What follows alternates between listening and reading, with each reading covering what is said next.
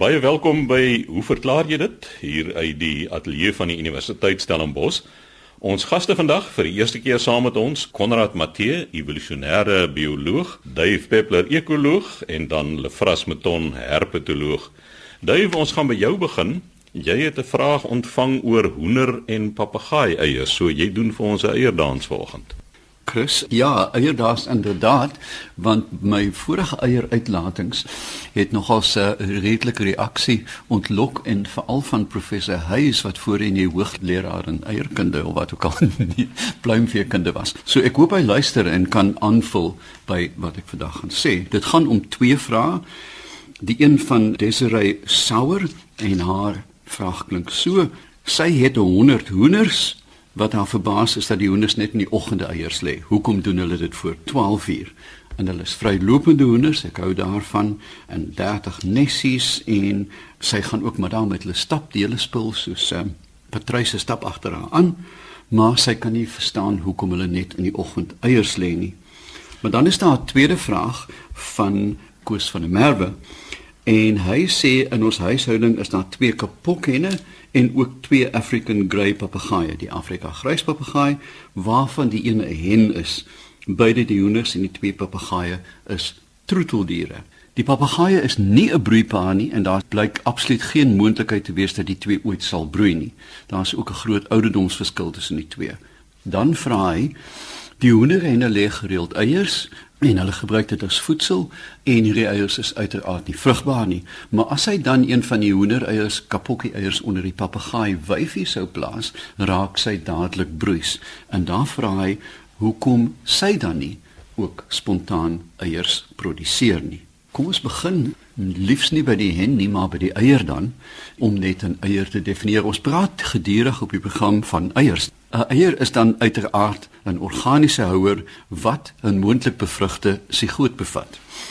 Hieruit ontwikkel dan 'n embrio. Hierdie eiers word deur 'n groot verskeidenheid organismes uiteraard gelê en ons dink van die land tot die water van akedisse na visse. Daar is dan ook gepaardgaande strategieë om hierdie eiers dan te laat uitbroei. En 'n mens dink aan die Malawi meervisse waar die eiers in 'n nes beskerm word deur die manlike vis en dan daarna in sy mond krokodille wat uiteraard die neste oppas en die kleintjies ronddra in hulle bekke en voels met 'n hemelsbreë verskeidenheid van nesse en strategieë van die swerfvalk wat op kaal klippe hulle eiers lê tot die elaborate nes van sommige voels. Daar word van een eiers soos byvoorbeeld die kondor tot 17 18 20 by patryse gelê. Die wit van die eier, die dop uiteraard is kalsiumkarbonaat en dit kan gewoonlik drie kleurforme hê, die wit vorm, die blou en groen vorm en dan die gespikkelde vorm elkeen met 'n gepaardgaande chemiese neerslag daarop. Eiers is uiteraard ovaal hoofsaaklik en dit bepaal dat hulle nou nie rondrol as hulle in 'n nes is nie, maar hoe nader 'n mens beweeg aan spesies wat teen afgronde 'n nes maak, sal 'n mens sien dat die eiers al hoe meer gepunt raak en dit keer dat hulle nie rol nie in vergelyking met 'n boomnesholte waar die eiers byna koel rond is. Nou Die proses van die eier produseer is eintlik 'n 24 tot 25 uur proses waar die linkerkantste ovarium dan hierdie sel loslaat want by die geboorte het 'n hoender gewoonlik in die orde van 4000 ova wat daar sit. So daar is 'n beperkte soos by mense ook aantal eierselle wat vrygelaat kan word. Dan binne 15 minute na die ontpopping van hierdie ova word dit opgevang in 'n tregtervormige orgaan waar dit dan beweeg na die magnum waar die albumin neergelê word. Dis almal dele van die reproduktiewe kanaal. Daarna gaan dit na die isthmus met die membrane, die uterus vir die dop en dan binne die kloaka hou dit gewoonlik net 'n minuut. As die eier op pad is, kan niks om byna stop nie. Hoenders kan nie eintlik knyp nie. En ek het al male sonder taal gesien dat 'n kolgaans op 'n tak sit en skielik eenvoudige eier los want hulle kan nie verder knyp nie. Nou ja, ons praat hier van makgemaakte hoenders en nie wille voels nie. So, hulle lê gewoonlik as die temperatuur tussen 11 en 26 grade is en humiditeit onder 75% en hulle uiteraard redelike goeie kos kry. Nou, in 'n natuurlike omgewing is daar 'n mate van sinkronisme waar 'n aantal voels wat in groepe bly kan sinkroniseer om of in die oggend of in die middag hulle eiers te lê. Maar in 'n produksieomgewing kan dit baie maklik gemanipuleer word uiteraard as 'n mens daglengte kan aanpas. So ek vermoed dit is 'n eenvoudige artefak, die oggendleery van haar spesifieke omgewing, daglengte, die kos wat sy gee en hoe die hoenders gesinkroniseer het. Ek weet uit eie ondervinding van hoenders wat ek gehad het wat tot sterk skemer eiers gelê het. En gewoonlik het die hele groep dan gesinkroniseer om in die namiddag te lê want gewoonlik jy weet as 'n hoender na 'n nes toe stap is dit 'n redelike geraas en 'n geskoffel en 'n reg sit ander sit en kyk daarna. So ek dink nie daar's 'n vasgestelde tyd waar hoender eiers gelê word nie. Om dan te gaan na Koos se vraag oor sy papegaai selfs in optimale omstandighede neem dit soms jare vir Afrika gryspapegaaie om 'n broeipaar te vorm. Dit gebeur nie sommer dat jy die twee in die hok gooi nie. Dit kan 6, 7 jaar neem voor hulle werklik mekaar tussen die vere vind. En slegs dan indien beide dan vrugbaar is, sal hulle paar maar ook ons weet dat hulle hiperintelligente diere is met 'n baie komplekse sosiale stelsel in die natuur. Ek ken hulle uit uit ekwatoriale Afrika waar hulle in groot troppe voorkom. Nou in die natuur sal hulle dan 'n broeipare vorm, maar omdat hulle na in die trope bly, is hulle nie noodwendig soos ander diere so daglengte gepuls soos hoenders byvoorbeeld nie wat hierdie sogenaamde circadian rhythm het, het hy 'n mooi Afrikaanse naam? Circadies sirkadiese ritme wat ons ook het, dis hoekom ons straaldwaal kry, ons word verplaas as ons buite ons gewone aangepaste daglengte roetine kom. So 'n mens vermoed in die trope waar hulle dan paar dat hulle heel moontlik gepuls word deur optimale voedselvoorrade. Daar skielik deur die tyd van die jaar is daar 'n aantal bome wat vrugte dra. So, ek dink eintlik nommer 1 Ons weet niks van die reproduktiewe status van die twee papegaaie nie want hulle kan bitter oud word, jy weet 70, 80 jaar. Met ander woorde, het die mannetjie of wyfie al hulle piek reproduktiewe stadium bereik en oorskry, maar tog is die wyfie geneig om broeis te raak. So ek vermoed daar lê dalk 'n fout by die mannetjie dat sy ontvanklik is, haar hormonaal ontvanklik is vir paar, maar as gevolg van sy aanpassing in 'n gevange stadium het die mannetjie moontlik nie die regte gedrag nie. En die stimulus wat ook soms bekend staan as superstimulus van 'n eier sal haar dan in 'n broei gedrag laat omvorm. Duif met duwe is dit baie dieselfde as jy nou buite die broeiseisoen nou 'n klomp wyfie duwe bymekaar sit. Hulle krap mekaar en begin hulle eiers te lê en selfs al het jy 'n wyfie alleen as jy aan daardie wyfie baie aandag gee, dan raak sy verlief op jou en as jy op 'n dag kom aan sy eie gelê. 'n Vrasmens kan seker ook nie kwaliek neem nie. Wel, ek bin sê dalk 'n voorkeur vir ouderdom. ja. Ek dink dit gaan moeilik wees om presies die gedrag uit te kam juis as gevolg van die hiperkomplekse gedrag van hierdie baie intelligente diere. Maar my vermoede is dat die wyfie heel moontlik nog geslagsryp is en ontvanklik is, baie aandag kry en dat die mannetjie of oud is, mens weet nie, en of net eenvoudig nie die regte gedrag wat haar sou stimuleer toon nie en dat sy dan ook gestimuleer visueel gestimuleer word deur die eier. 'n Mens weet byvoorbeeld met aasvoëls wat klippe gebruik om eiers te breek, klassieke eksperimente dat jy kan die eiers groot maak soos 'n yskas. Hy probeer dit tog altyd met 'n klip breek. So die grootte van die eier en die kleur dink ek hier is nie so belangrik as die visuele kern wat sê, "Ah, ek moet op die ding sit nie." Ek dink is 'n gelukkige wyfie en dalk 'n ongelukkige mannetjie. Dit is ook interessant die hoender hen. Sy lê die eier en dan loop sy weg want hulle moet natuurlik eers 'n klomp eiers lê voor hulle gaan begin broei. So mense moenie dink dat die hoender wil nie eier hê nie. Hulle wag tot die nes vol is, maar die nes raak nooit vol nie, so hulle hou aan eiers lê. Ja, in die valkoniers wêreld staan dit bekend as egg pulling, dat jy aanhou eiers verwyder. Met ander woorde, binne 'n seisoen kan jy byvoorbeeld kry dat 'n klein rooi valk tot 20 eiers kan lê want jy neem dit almekaar net weg. Dan is daar 'n kritiese massa van 3 of 4 wat sy dan die oomblik as hy gaan sit, is hierdie visuele teken dan ah, hier is 'n broeiery aan die gang by ander spesies weet mense natuurlik dat ander wyfies ook in 'n nes mag lê soos by volstruise. So daar's 'n kritiese afsnypunt en dan begin die hormone werklik werk. So sê Dave Peppler, ons ekoloog, en Konrad, jy gaan nou vir ons verduidelik hoe gebruik 'n mens genetiese kennis in die bewaring van spesies. Ja, dankie Chris. Dis verware voorreg om hier te kan wees en ook om 'n bietjie kennis te kom deel oor hoe gebruik ons hierdie DNA kennis of DNS soos dit in Afrikaans bekend staan. Ek wil dit graag doen aan die hand van die luiperd as 'n voorbeeld want luiperds is probleemdiere. Hulle word in hokke gevang en ons weet partykeer nie wat om te maak met die dier as ons hom gevang het nie. Hoe ver kan ons hom skuif? Waarheen kan ons hom skuif? En moet ons hom net skiet of moet ons hom maar net vrylaat? Dit is 'n krisis. So wat ons gedoen het by Stellenbosch Universiteit oor die afgelope paar jaar en ons het begin deur net die vraag te vra omdat die luiperds in die Wes-Kaap baie kleiner is as in die res van die land. Wil ons graag weet is die luiperds dieselfde spesies of is daar twee spesies of is hulle een geenpool of twee geenpoole want dit sal beteken as die luiperds in die Wes-Kaap aan een geenpool behoort kan ons hulle nie regtig skuif na 'n ander geenpool as hulle nie dieselfde is nie.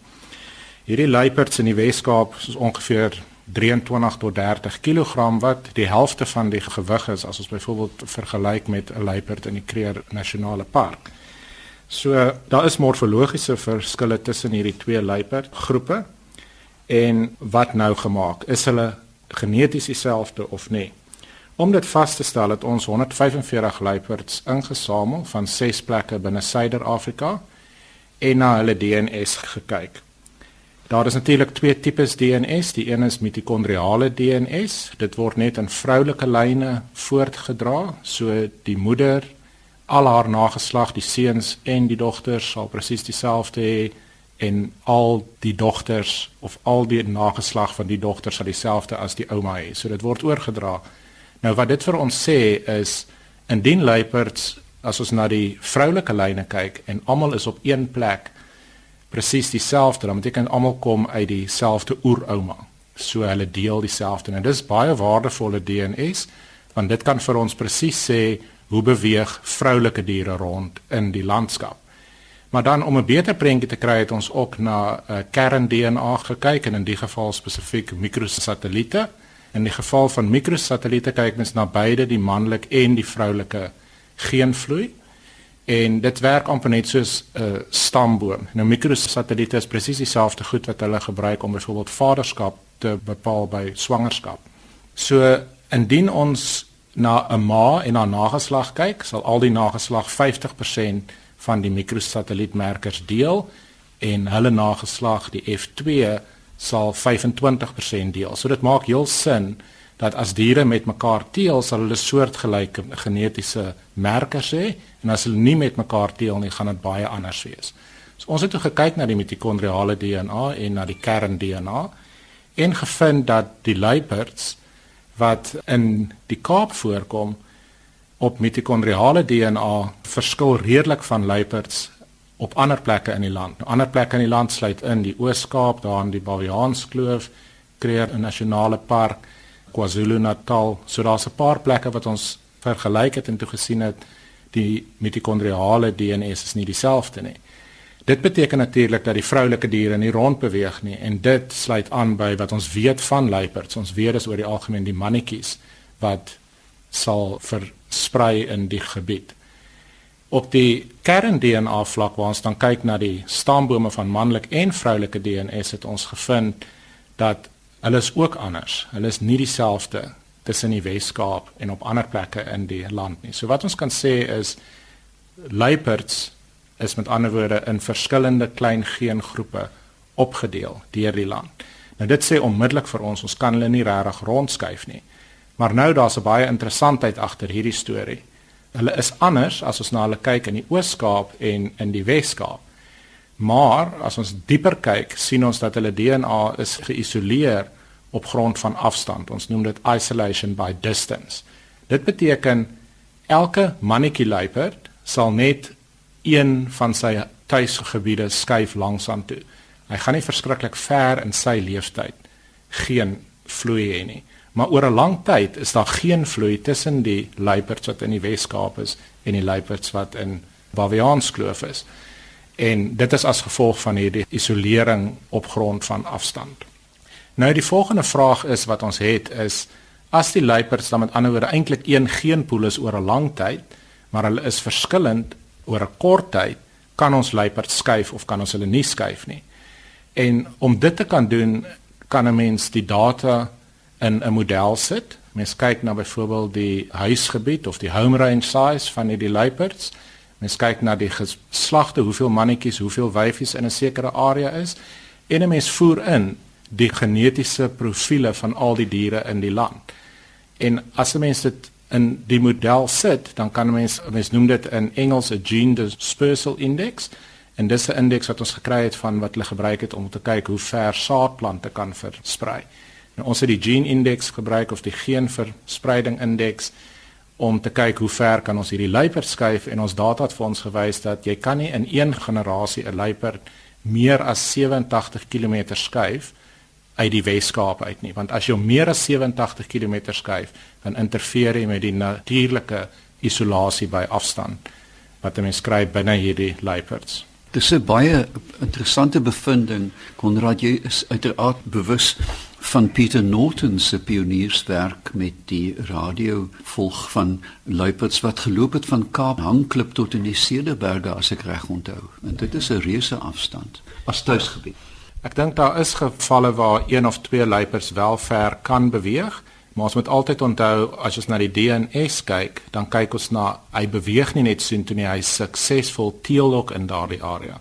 En dit is bietjie anders want baie keer kry ons wat mense sê diere kan dit doen, ja, hulle kan, soos byvoorbeeld die wit doodsaai weet ons ook. Swem hier vanaf Australië toe en terug binne 3 weke maar ons weet daar is geen geen vloei nie en dis uit ons ander studies wat ons ook al gedoen het. So ja, die goed kan ver beweeg, maar dis ek dink dit is raar. Die meeste wat wel hierdie radiobande aan het bly in daai areas. So Konrad, die verskille in gedrag is dan eintlik nie geneties vasgelê nie. Die kleiner liggaamsbou kan mens seker koppel aan aan voedsel en goed, maar tog Die luiperd hier in die Weskaap is ook gebonde aan berge en hulle is nie op vlaktes nie en ek het altyd gedink dit is waarskynlik histories al so gewees omdat hier is nie baie kos op die vlaktes die, die draagkrag van fynbos is baie laer as byvoorbeeld ander dele van die land en hier was aanvanklik leeu's gewees wat seker groter kompetisie vir hulle gewees het Ja, ek meen ek het my eie redes hoekom ek dink die luiperds hier so ook kleiner is en ek dink as mens net natuurlik na hulle prooi ook kyk, oor die algemeen is die prooi wat in die Wes-Kaap is redelik klein diere, hier's nie bome nie. So dan hulle hoef nie groot te wees om die prooi in die boom in te vat nie. Waar as mens na die diere kyk wat verder oos is, daar het mense leeu's wat kompeteer vir hulle kos. So hulle moet boom klim met hulle kos om hulle self te kan optimaal aanpas of hulle is optimaal aangepas omdat hulle kan boom klim.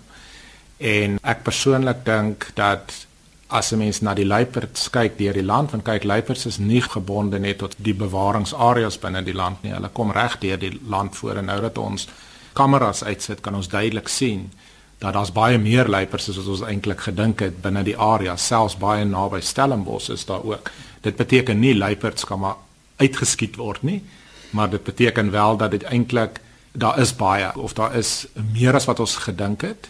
Ek dink dat die verandering in die gedrag sal 10 teen 1 wat ons sal sê clinal variation. So omdat hulle geneties aan mekaar verbind is oor 'n lang tydperk, gaan hulle gedrag ook bietjie verander van een habitat tipe na die ander. So sê Konrad Matthee, evolusionêre bioloog, laaste aan die beurt vandag, Lefrasmeton herpetoloog Nou Lefras, jy het so 'n paar weke gelede breedvoerig oor molle gesels, maar die luisteraars wil jou en die molle nie uitlos nie. Maar dit is mos nou as jy dink aan al die skade en goed in 'n tuin, jy weet, dit is mos nou 'n groot probleem. So, ja, ons het verskeie briewe gekry.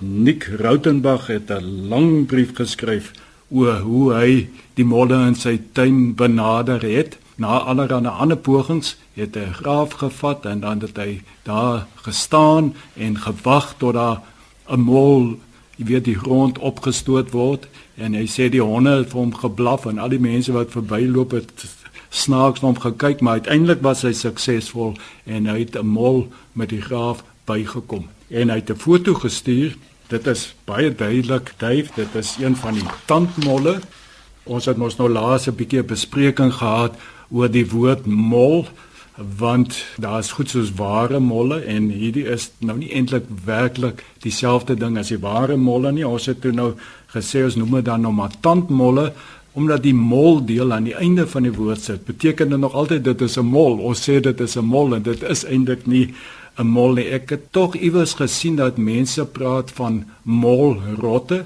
Maar wat ook verkeerd is want dit is ook nie 'n rot nie. 'n Rot is mos die familie Muridae, die muise en die rotte, hulle behoort nie aan daardie familie nie. So ons hou dit maar by tandmolle. Ek weet nie Konrad of jy 'n uh, ander naam het, so ons hou maar by tandmolle en dan ook die goue of kruipmolle en dan die ware molle. Maar dit bevestig tog maar net weer dat hierdie ondergrondse lewenswyse verskeie kere ontstaan het. Ons noem dit konvergente evolusie en dat daardie ondergrondse omgewing lei tot baie dieselfde tipe morfologiese eienskappe. So dit is hoekom hierdie diere baie dieselfde lyk. Nou Nick Breitenberg wil dan ook weet wat hy nou moet doen om van die goed ontslae te raak. Ek glo nie ek gaan op daardie terrein waag nie. Daar's baie slaguistertjies en goed wat mens kan koop. Ek verstaan knoffel en is dit tabakstof en allerlei sulke dinge. Hy moet maar 'n bietjie eksperimenteer, maar hy weet dan nou ten minste dat die mol daar by hom is 'n tandmol en nie een van die kruipmolle nie. Dan wil hy dan ook weet wat is ware molle dan? Ware molle is dan nou diere wat tot die familie Talpidae behoort en hierdie groep of familie is beperk tot die noordelike halfrond, Europa, Noord-Amerika, dele van Asië en so voort en hulle was waarskynlik eerste beskryf en daarom is hulle die ware molle. Hulle kan aanspraak maak op daardie oorspronklike naam. Nou hulle lyk 'n bietjie anderste as ons molle. Hulle het ook maar klein oogies, ore is klein, maar is maar meer die voorpote wat redelik anders lyk. Ja, en van hulle het snaakse goede op die snoet ook. Dan het ons nou nog 'n brief gekry van Rodney Moffat, Clarence en Dave hy stuur vir jou groete. Ek sien dadelik aan jou gesigsuitdrukking jy onthou vir Rodney. En hy het dan nou 'n foto hierso ook aangeheg en dit is waar van die molle nou onder 'n miskoek so optonnel en hy sê hy vermoed dit is dan nou van die goue molle wat nou agter die insekte wat in hierdie mis vergader aan is en hy wil nou weet Hoe weet hulle van die insekte daar? Ryk hulle het hulle baie goeie reukvermoë of hoe vind hulle dan nou hierdie insekte? Nou natuurlik ondergronds gaan 'n reuk nie baie effektief wees. As insekte in die tonnels wat die molle grawe, ja, dan sal hulle hulle kan ryk, maar deur soliede grond gaan dit nie moontlik wees. Ons moet onthou dat reuk is maar chemiese partikels wat moet versprei. Dit is soos klank of lig wat deur golwe voortgeplant word. En natuurlik in 'n soliede medium is daar mos maar min lugspasies vir reuke om te versprei. Hierdie molle, die goue molle het 'n besondere gehoor vermoë. Hulle het ook hierdie tashaartjies, die spritie op die snoete wat baie fyn trillingkies kan opvang en hulle hoor met ander woorde baie goed en hulle kan daardie insekte hoor want die insekte is mos nou aan die beweeg en hulle tel daardie trillingkies op en hulle gaan dan na die plek toe en hulle vang die insekte. Die gehoorstelsel die binneoor van hierdie molle is baie baie aangepas. Van die gehoorbeentjies die malleus is verander of aangepas om seismiese trillings te kan opvang. Die cochlea is ook redelik verleng en alles dui daarop dat hulle grootliks staat maak op klank, op gehoor. So raad nie ek hoop dit beantwoord jou vraag. Lefras ongelukkig het die tyd ons nou weer daar ingehaal. Skryf gerus aan ons by hoe verklaar jy dit? Posbus 2551 Kaapstad 8000 of stuur 'n e-pos aan chris@rsg.co.za.